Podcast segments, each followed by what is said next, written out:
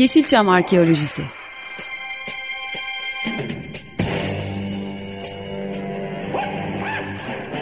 Türk sineması ve Yeşilçam'ın besin kaynakları, emekçileri ve kıyıda köşede kalmış hikayeleri.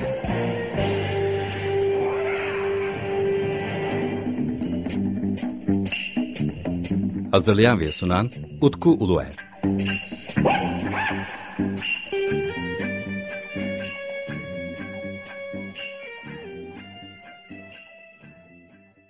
Değerli Açık Radyo dinleyicileri, bendeniz Utku Uluer ve yeni bir Yeşilçam Arkeolojisi programında da sizlerle birlikteyiz. Ee, bildiğiniz gibi geçtiğimiz haftalarda başladığımız çok önemli bir söyleşi var. Ee, sanatçımız, yapımcı, sinemacı, Eriş ve tiyatrocu tabii ki. Eriş Akman'la sohbetimize devam ediyoruz. Efendim hoş geldiniz Eriş Bey. Hoş bulduk, sağ olun, var olun. Şimdi şöyle bir durum oluştu, onu açıklamam gerekiyor. Geçtiğimiz programda da e, Eriş Akman'la birlikte yaptığımız söyleşinin birinci bölümünü tekrardan yayınladık.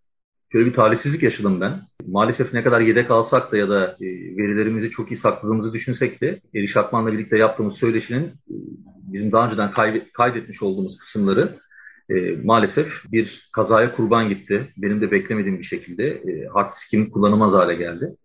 Ben de kendisinden rica ettim. İsterseniz yaptığımız söyleşiyi bir daha belli kısımlarını ele alalım. Ve oradan e, belki birazcık daha toparlayarak da gideriz diye. Çünkü e, Eriş Bey ile birlikte yaptığımız sohbet de laf lafı açtı. Hatta ben o sohbette çok şaşırdığım noktaları da öğrenmeye başlamıştım. Hani kendisini bir şekilde e, tanıyordum ama beni aşan durumlara da söyleşi. Onun için bu tekrardan almamız belki de içimiz için de daha iyi olacaktır düşündüm. Siz ne düşünüyorsunuz tabii? Evet evet çok daha iyi olur. Çünkü e, biraz e, şeye geldi dediğiniz gibi laf lafı açtı ve ben tekrar dinleyince programı evet. bir hatanın farkına vardım. O o zaman atlamışım şey sırasında röportaj sırasında. Ben Arzu filmden 1979'da ayrılmadım.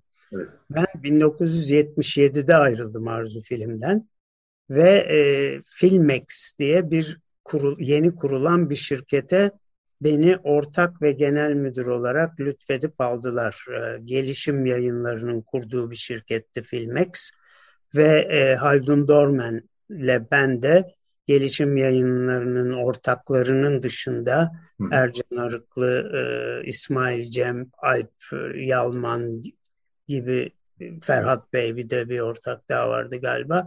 E, onlar e, Robert Kolej'den itibaren arkadaştırlar ve onların kurduğu bir şirkettir gelişim yayınları. Hı. Gelişim yayınlarıyla ortak e, Haldun Dorman ve bana birer hisse vererek e, şirketi kurdular. Filmex ismi aslında e, şöyle oluştu. Ercan Ercan Bey çok Allah rahmet eylesin çok sinema seven biriydi. Alp Yalman da öyledir. İsmail Cem zaten İpekçiler biliyorsunuz. Tabii. Türkiye'de ilk sinemayı başlatan insanlar Simavilerle birlikte. Ee, onun için hepsi sinemayı çok seviyorlardı. Ferhat Bey de reklamcıydı. Hı hı. Ve e, biz e, Ercan Bey bana dedi ki yani böyle kaliteli Amerikan standartlarında bir filmi kaç liraya yaparız, ne olur bütçesi gibi bir soru sordu.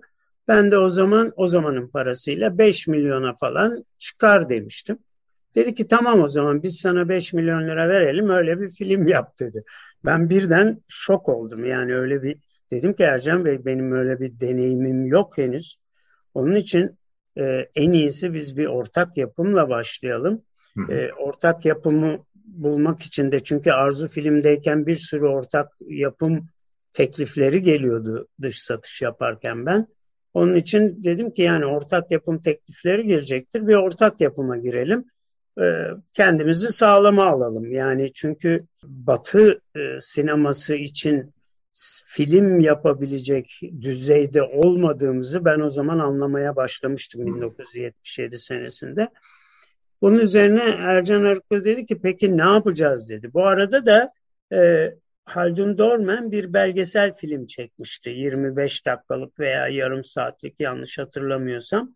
Ve İngilizce çekmişlerdi. Dorman Tiyatrosu'nun oyuncuları e, ile birlikte bir e, belgesel drama film çekmişler. İşte bu çok ilginç bir konuydu ama tabii olmamıştı maalesef. Yani olmamıştı.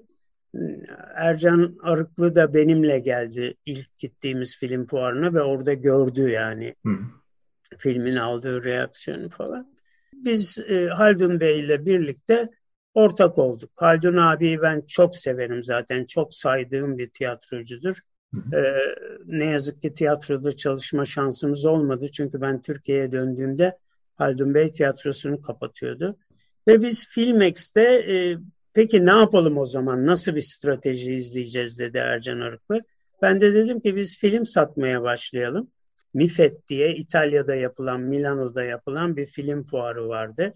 E, bu film fuarı e, aslında Cannes Film Festivali ile e, ikisi Avrupa'daki tek satış noktasıydı. Mifet hatta bazı filmler için daha e, Kan'dan daha faydalıydı. Çünkü Kan'da bir şey tarafı vardı, sanatsal tarafı evet. vardı. Mifet tamamen ticariydi. E, MIFED'in açılımı da Mostra Internazionale del Film and Televizyon falan gibi bir şeydi hatırlamıyorum. Arzu Film benim ayrılmama Ertem Eğilmez çok büyük tepki gösterdi. Katiyen olmaz dedi falan. Ama ben artık söz vermiştim. Zaten kararlıydım da Arzu Film'den ayrılmaya geçen programlarda anlattığım sebeplerden. Yani korkunç bir kıskançlık ve çekişme e, kendi aramızda bir rakipleşme falan gibi şeyler hissettim. E, yanılmış da olabilirim ama e, sonra yanılmadığımı anladım. Ertem abinin ölümünden çok az önce bir konuşma yapmıştık. Film satıcı, ben o zaman Ertem, Ertem Bey karşı çıkınca dedim ki Ertem abi ben Arzu Film'den ayrılmıyorum. Sadece burada daha iyi bir olanak buluyorum. Ve çünkü hakikaten Arzu Film'de bizim e, şeyimiz yoktu, finansmanımız yoktu pazarlamaya ayıracak. O yüzden yani dedim ki şimdi müthiş bir kapital var elimizde. Çok iyi olanaklar var e, ve dış satış yapabiliriz dedim. E, biz başladık. Arzu Film'in filmlerini de aldım. Ben ki piyasanın en iyi yani yurt dışında satılabilecek filmleri e, şeydir. Fakat film satışında hala öyle dünyada en çok satan film türü aksiyondur. Evet. Yani vurdulu kırdılı filmler dediğimiz filmlerdir. Şimdi Arzu filmde biz onu yapmıyorduk. Aslında biz Yavuz'la birlikte Ertem abiye çok e, şey yaptık. Yani Tarkanları yapmışız. Mesela Tarkanları ben ilk daha film satmayı bile bilmezken İran'da bir Tahran Film Festivali yapılmıştı. Orada her birini 50 bin dolara sattık İran'a. Beş tane film, dört tane Tarkan, bir tane Taraoğlan. Atlas filmin sahibi geldi bir kokteylde. Beni buldu. Dedi ki ya ben sizin filmi seyrettim. Size bir teklif yapmak istiyorum dedi. Nait Ataman da benim yanımdaydı.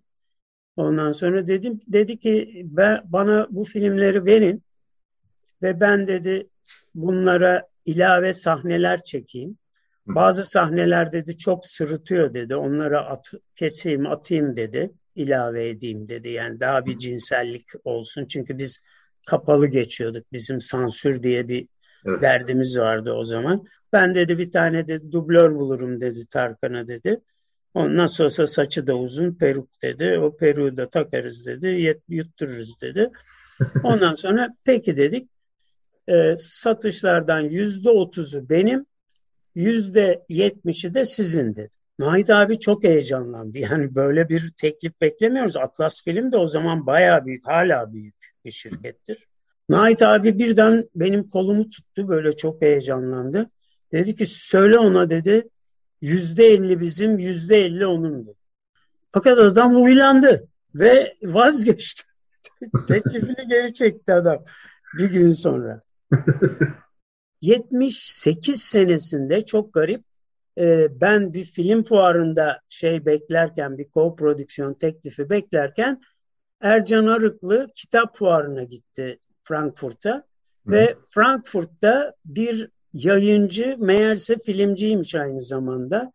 Yayıncı Ercan Arıklı'ya teklif yaptı. Ortak yapım yapma teklifi. Bir projesi varmış adamın. Hakikaten de çok ilginç bir projeydi. Beyrut'ta geçen ve İstanbul'da çekecektik Beyrut'muş gibi gösterip. Ondan sonra fakat olmadı sonra yani bazı aksilikler oldu. karşı taraftan doğan aksilikler oldu. Biz üstümüze düşeni yaptık. Ben İngiltere'ye gittim. İngiltere'de senaryo çalışması başladı. Fakat olmadı sonra. Bu arada ben MIFE'de gitmeye devam ediyorum. Yani MIFED ve Kan'a gitmek mecburi o zaman yani. Daha American Film Market başlamamıştı. American Film Market 80'lerde başladı. Hı hı. Uzun senelerdir tanıdığım bir Amerikalı dağıtımcı.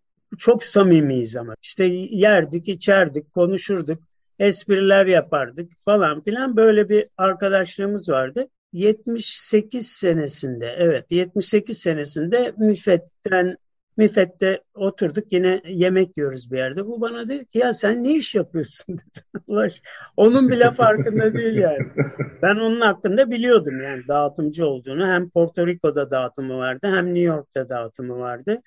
Ee, ama aksiyon filmi alıyordu. Onun için de ben hiç uğraşmadım. Yani benim elimdeki filmler hep arzu film filmleri olduğu için uğraşmadım. Filmex'e gittiğim şey Filmex'in işte ilk e, şeyiydi, ikinci şeyiydi pardon, ikinci mifediydi. Daha elimde film yoktu. Bir tek Arzu film vardı. İşte birkaç tane de Gülşah film falan gibi şirketler vardı. Aksiyonlar daha yoktu. Bu bana dedi ki ya sen ne iş yapıyorsun işte. Dedim ki ben film satıyorum. E dedi bana niye film satmıyorsun ben dağıtımcıyım de. Biliyorum dedim ben seni çok iyi araştırdım. E o zaman dedi bana bir film sat. Dedim ki yani böyle böyle anlattım bütün durumu. Yani Arzu filmde çalışıyordum ben dedim. Sonra işte film açtık falan filan. O zaman dedim aksiyon filmi yoktu elimde. Ama şimdi aksiyon filmi alabilirim. İstersen gel Türkiye'ye dedim. Sana yüzlerce fragman izleteyim. Tamam dedi. Geleyim dedi ya. Ben gelmişim Avrupa'ya dedi. Yani İstanbul'u da görmek istiyordum dedi. Kalktı İstanbul'a geldi üç günlüğüne. Filmex'te bizim kendi sinema salonumuz vardı makinistimiz falan vardı. Adamı oturttum ben. Bütün herkese e, haber saldım. İşte Gülgen Film, Uğur Film, bütün aksiyon yapan şirketlere, aksiyon filmi yapan şirketlere hepsinin fragmanlarını topladım. Üç gün fragman seyretti.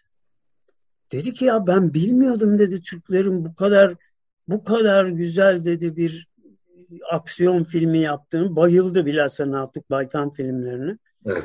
Ondan sonra dedi ki ya bir bir tanesini ben çok beğendim dedi. Hani dedi aslan adam dedi. Kılıç Arslan filminde o pençeleri falan var ya. o as, bir de çocukluktan işte anlıyor tabii fragmandan. Üç buçuk dakikalık fragman o zaman yani. Filmde ne varsa koyuyorlar içine. Bir daha taktırdık, seyrettik. Evet bu dedi. Bunu ben dedi alayım dedi ama yalnız Porto Rico'ya alacağım dedi bir denemek için dedi. 2000 dolara ben bunu alayım dedi. Hı. Bir deneyeyim dedi Porto Rico'da dedi. Tamam dedim ben.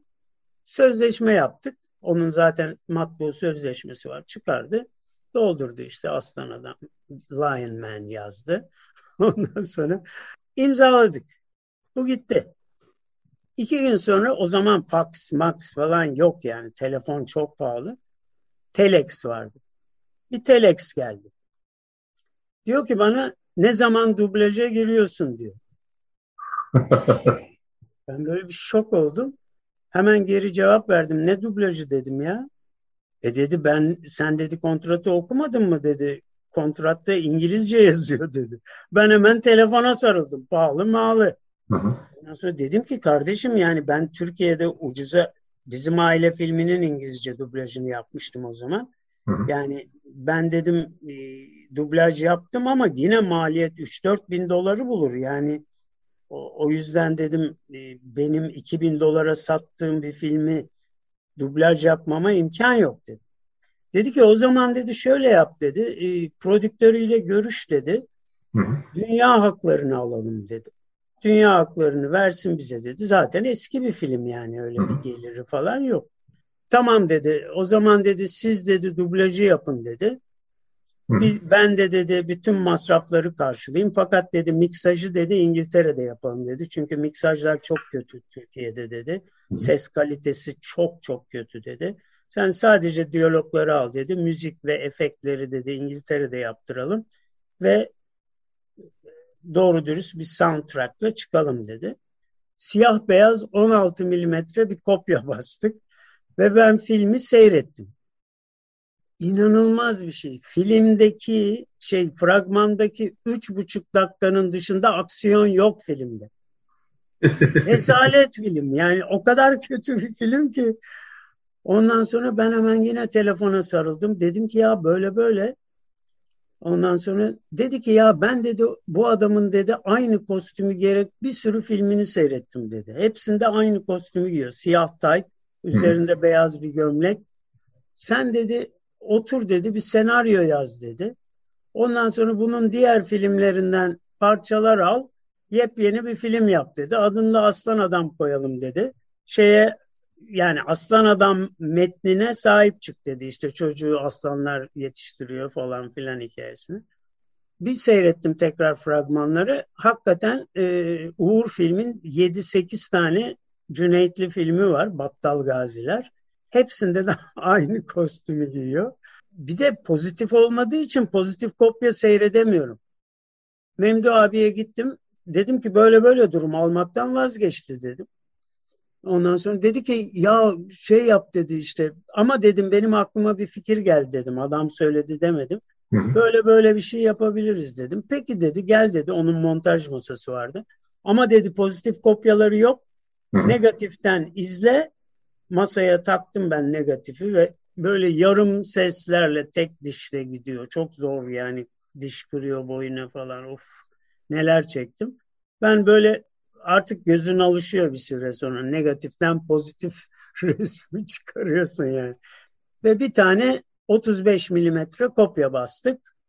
MIFE'de götürdük. Olay çıktı MIFE'de. Çok beğenildi film. Ben inanamadım yani. Herkes, bütün satıcılar var. Yani önce satıcılar seyretti zaten. Satıcıların da çoğunun müşterisi zaten Steve. Onun için onlara bir seyrettirdi. Aa, hepsi dedi ki ya verin ben satayım bunu demeye başladı. Ondan sonra Allah Allah falan dedik. Tamam dedik biz düşünüyoruz ona mı verelim buna mı verelim falan derken o sırada bize çok yardım eden John Cater diye bir adam vardı. Bu adam Rank'ın, Rank o zaman İngiltere'nin en büyük dağıtım şirketiydi. Prodüksiyon şirketiydi. Her şeyi vardı yani. Devasa bir şirketi. Rank'ın bu adam dağıtım müdürüydü. John Cater. Birden işine son verdiler. Bu da geldi dedi ki ya çocuklar dedi ben dedi işsiz kaldım. Beni çıkardılar. Yaştan dolayı çıkarmışlar. Onun için dedi ben kendi dağıtım şirketimi açmak zorundayım. Satış şirketimi. Ne olur dedi bu filmi bana verin dedi. Adam bize o kadar çok yardım etti ki bu arada Hı. negatiflerin dupları çıktı bilmem ne çıktı bize şey buldu e, kredi bulduğu laboratuvarlardan falan. Çünkü o şey oldu bize, e, kefil oldu. Kefil olmasa ikimizi de tanımıyorlar yani. Tabii. Ben bir Türk'üm, o Amerikalı. Biz de mecbur olduk John Cater'a vermeye. Ve John Cater e, filmi aldı. Fakat John Cater'ın çok büyük bir sorunu vardı. E, emekliye ayrılmasında da o çok büyük rol oynadı. Bunun karısı kanser oldu. Hmm. Ve bir ay içinde ölecek dediler. Kadın beş sene yaşadı abi. Neredeyse. Ama korkunç bir kadın oldu birden. Yani o ölünce kocası evlenecek bilmem ne diye kocasını e, kocasının bütün paralarını harcamaya başladı falan. Ve John bir de oğulları var. Evlat edindikleri bir oğulları. John da çocuğu çok seviyor. İşte çocuğu e, annesinin şeyinden korumak için bilmem ne John delirdi. Bu arada çok iyi satış yapıyor. Satışlar acayip. Yani film e, video İngiltere video listesinde ikinci sıraya yükseldi. Lion Man diye. Biz inanamadık yani. Ve bu arada her ülkeye satılıyor. Fakat John oğlunu da alıp kaçtı bizim paralarla. yani gülüyorum tabii ama aslında çok trajikomik de bir durum. Yok aslında şey yani biz de güldük yani yapılacak hiçbir şey yok. Bir de telefon edip söyledi yani Filipinler'den telefon et dedi ki çocuklar çok özür dilerim. Böyle böyle ben artık bu karıya dayanamayacağım ölmüyor. Ben dedi sevgilimle burada yaşayacağım. Sizin dedi kaç yüz bin dolardı işte 400 bin dolar civarında bir para. Bunu dedi ben aldım dedi. Helal edin dedi. Peki Şimdi... dedik biz ne diyelim. O sırada Transcontinental Pictures diye bir Hollywood şirketi vardı İsrail Şaket. İsrail çok asılıyordu. İsrail'e verdik filmi. Ve film o çalınanlar, korsanlananlar hariç 6,5 milyon dolar hasılat yaptı dünyada. Ee, şimdi burada araya girmek istiyorum. Şöyle bir durum var.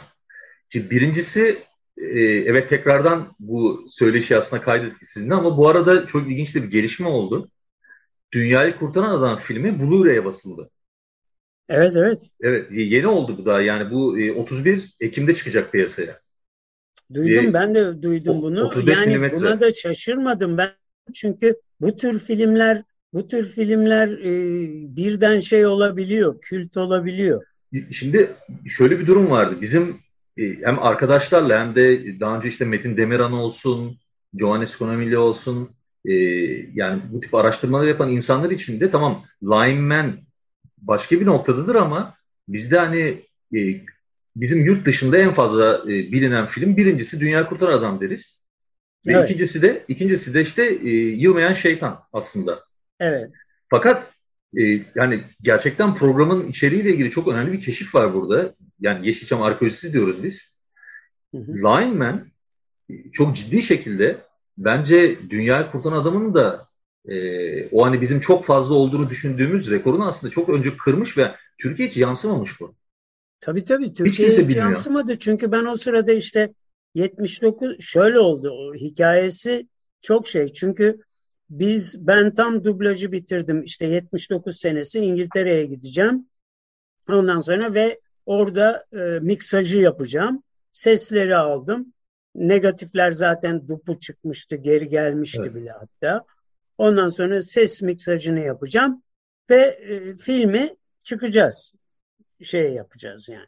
Çünkü rank rankın e, referansıyla K Laboratories diye bir laboratuvar vardı. Laboratuvar dedi ki tamam ben size 30 bin pound kredi veririm. Yani ilk başta gittiğimizde John Cater vasıtasıyla. Hı. Dedi ki e, siz yalnız bir sözleşme yaparız ve bütün kopyalarınızı bizde basacaksınız.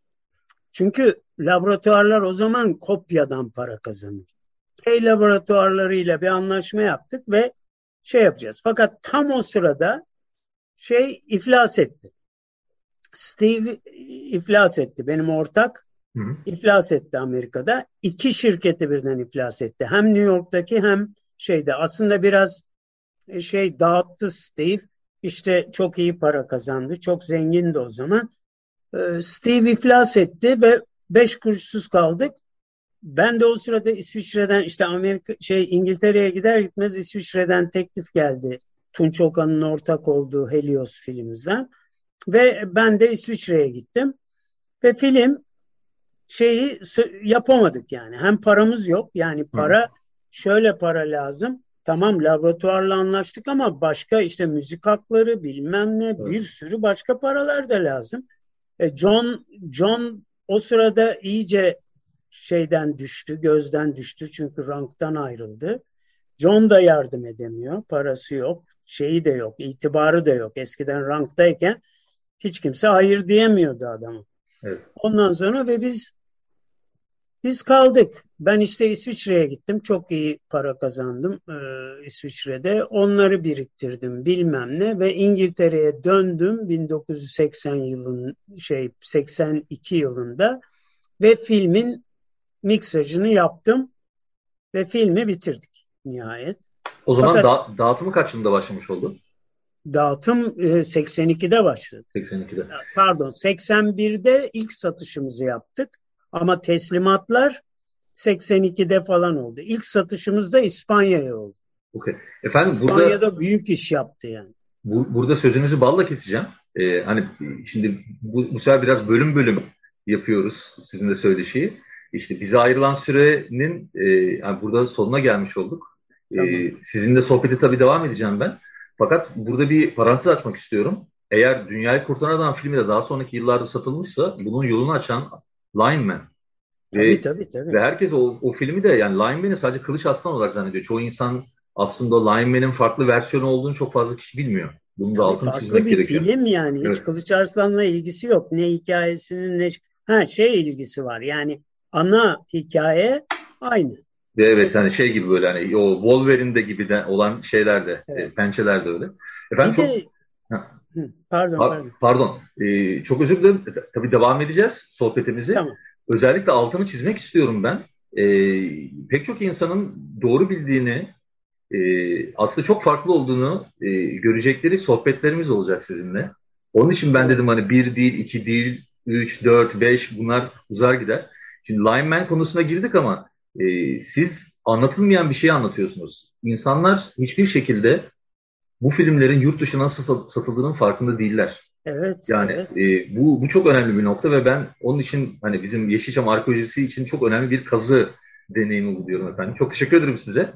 Ee, önüm, önümüzdeki 15 gün sonraki programda devam edeceğiz. Bayağı laf laf açacak gibi gözüküyor. Daha neler neler var. Line, Lineman'ın hikayesine devam ederiz. Tabii tabii devam edelim. Devam bir edelim. de Lineman 2 var yani. Tabii tabii o, o, o, işte o gelecek program Lineman 2 diyoruz o zaman. görüşmek üzere.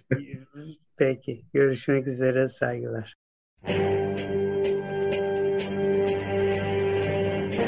Yeşilçam Arkeolojisi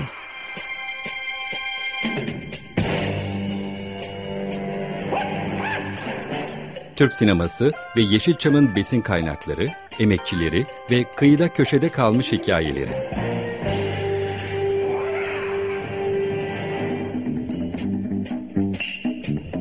Hazırlayan ve sunan Utku Uluer.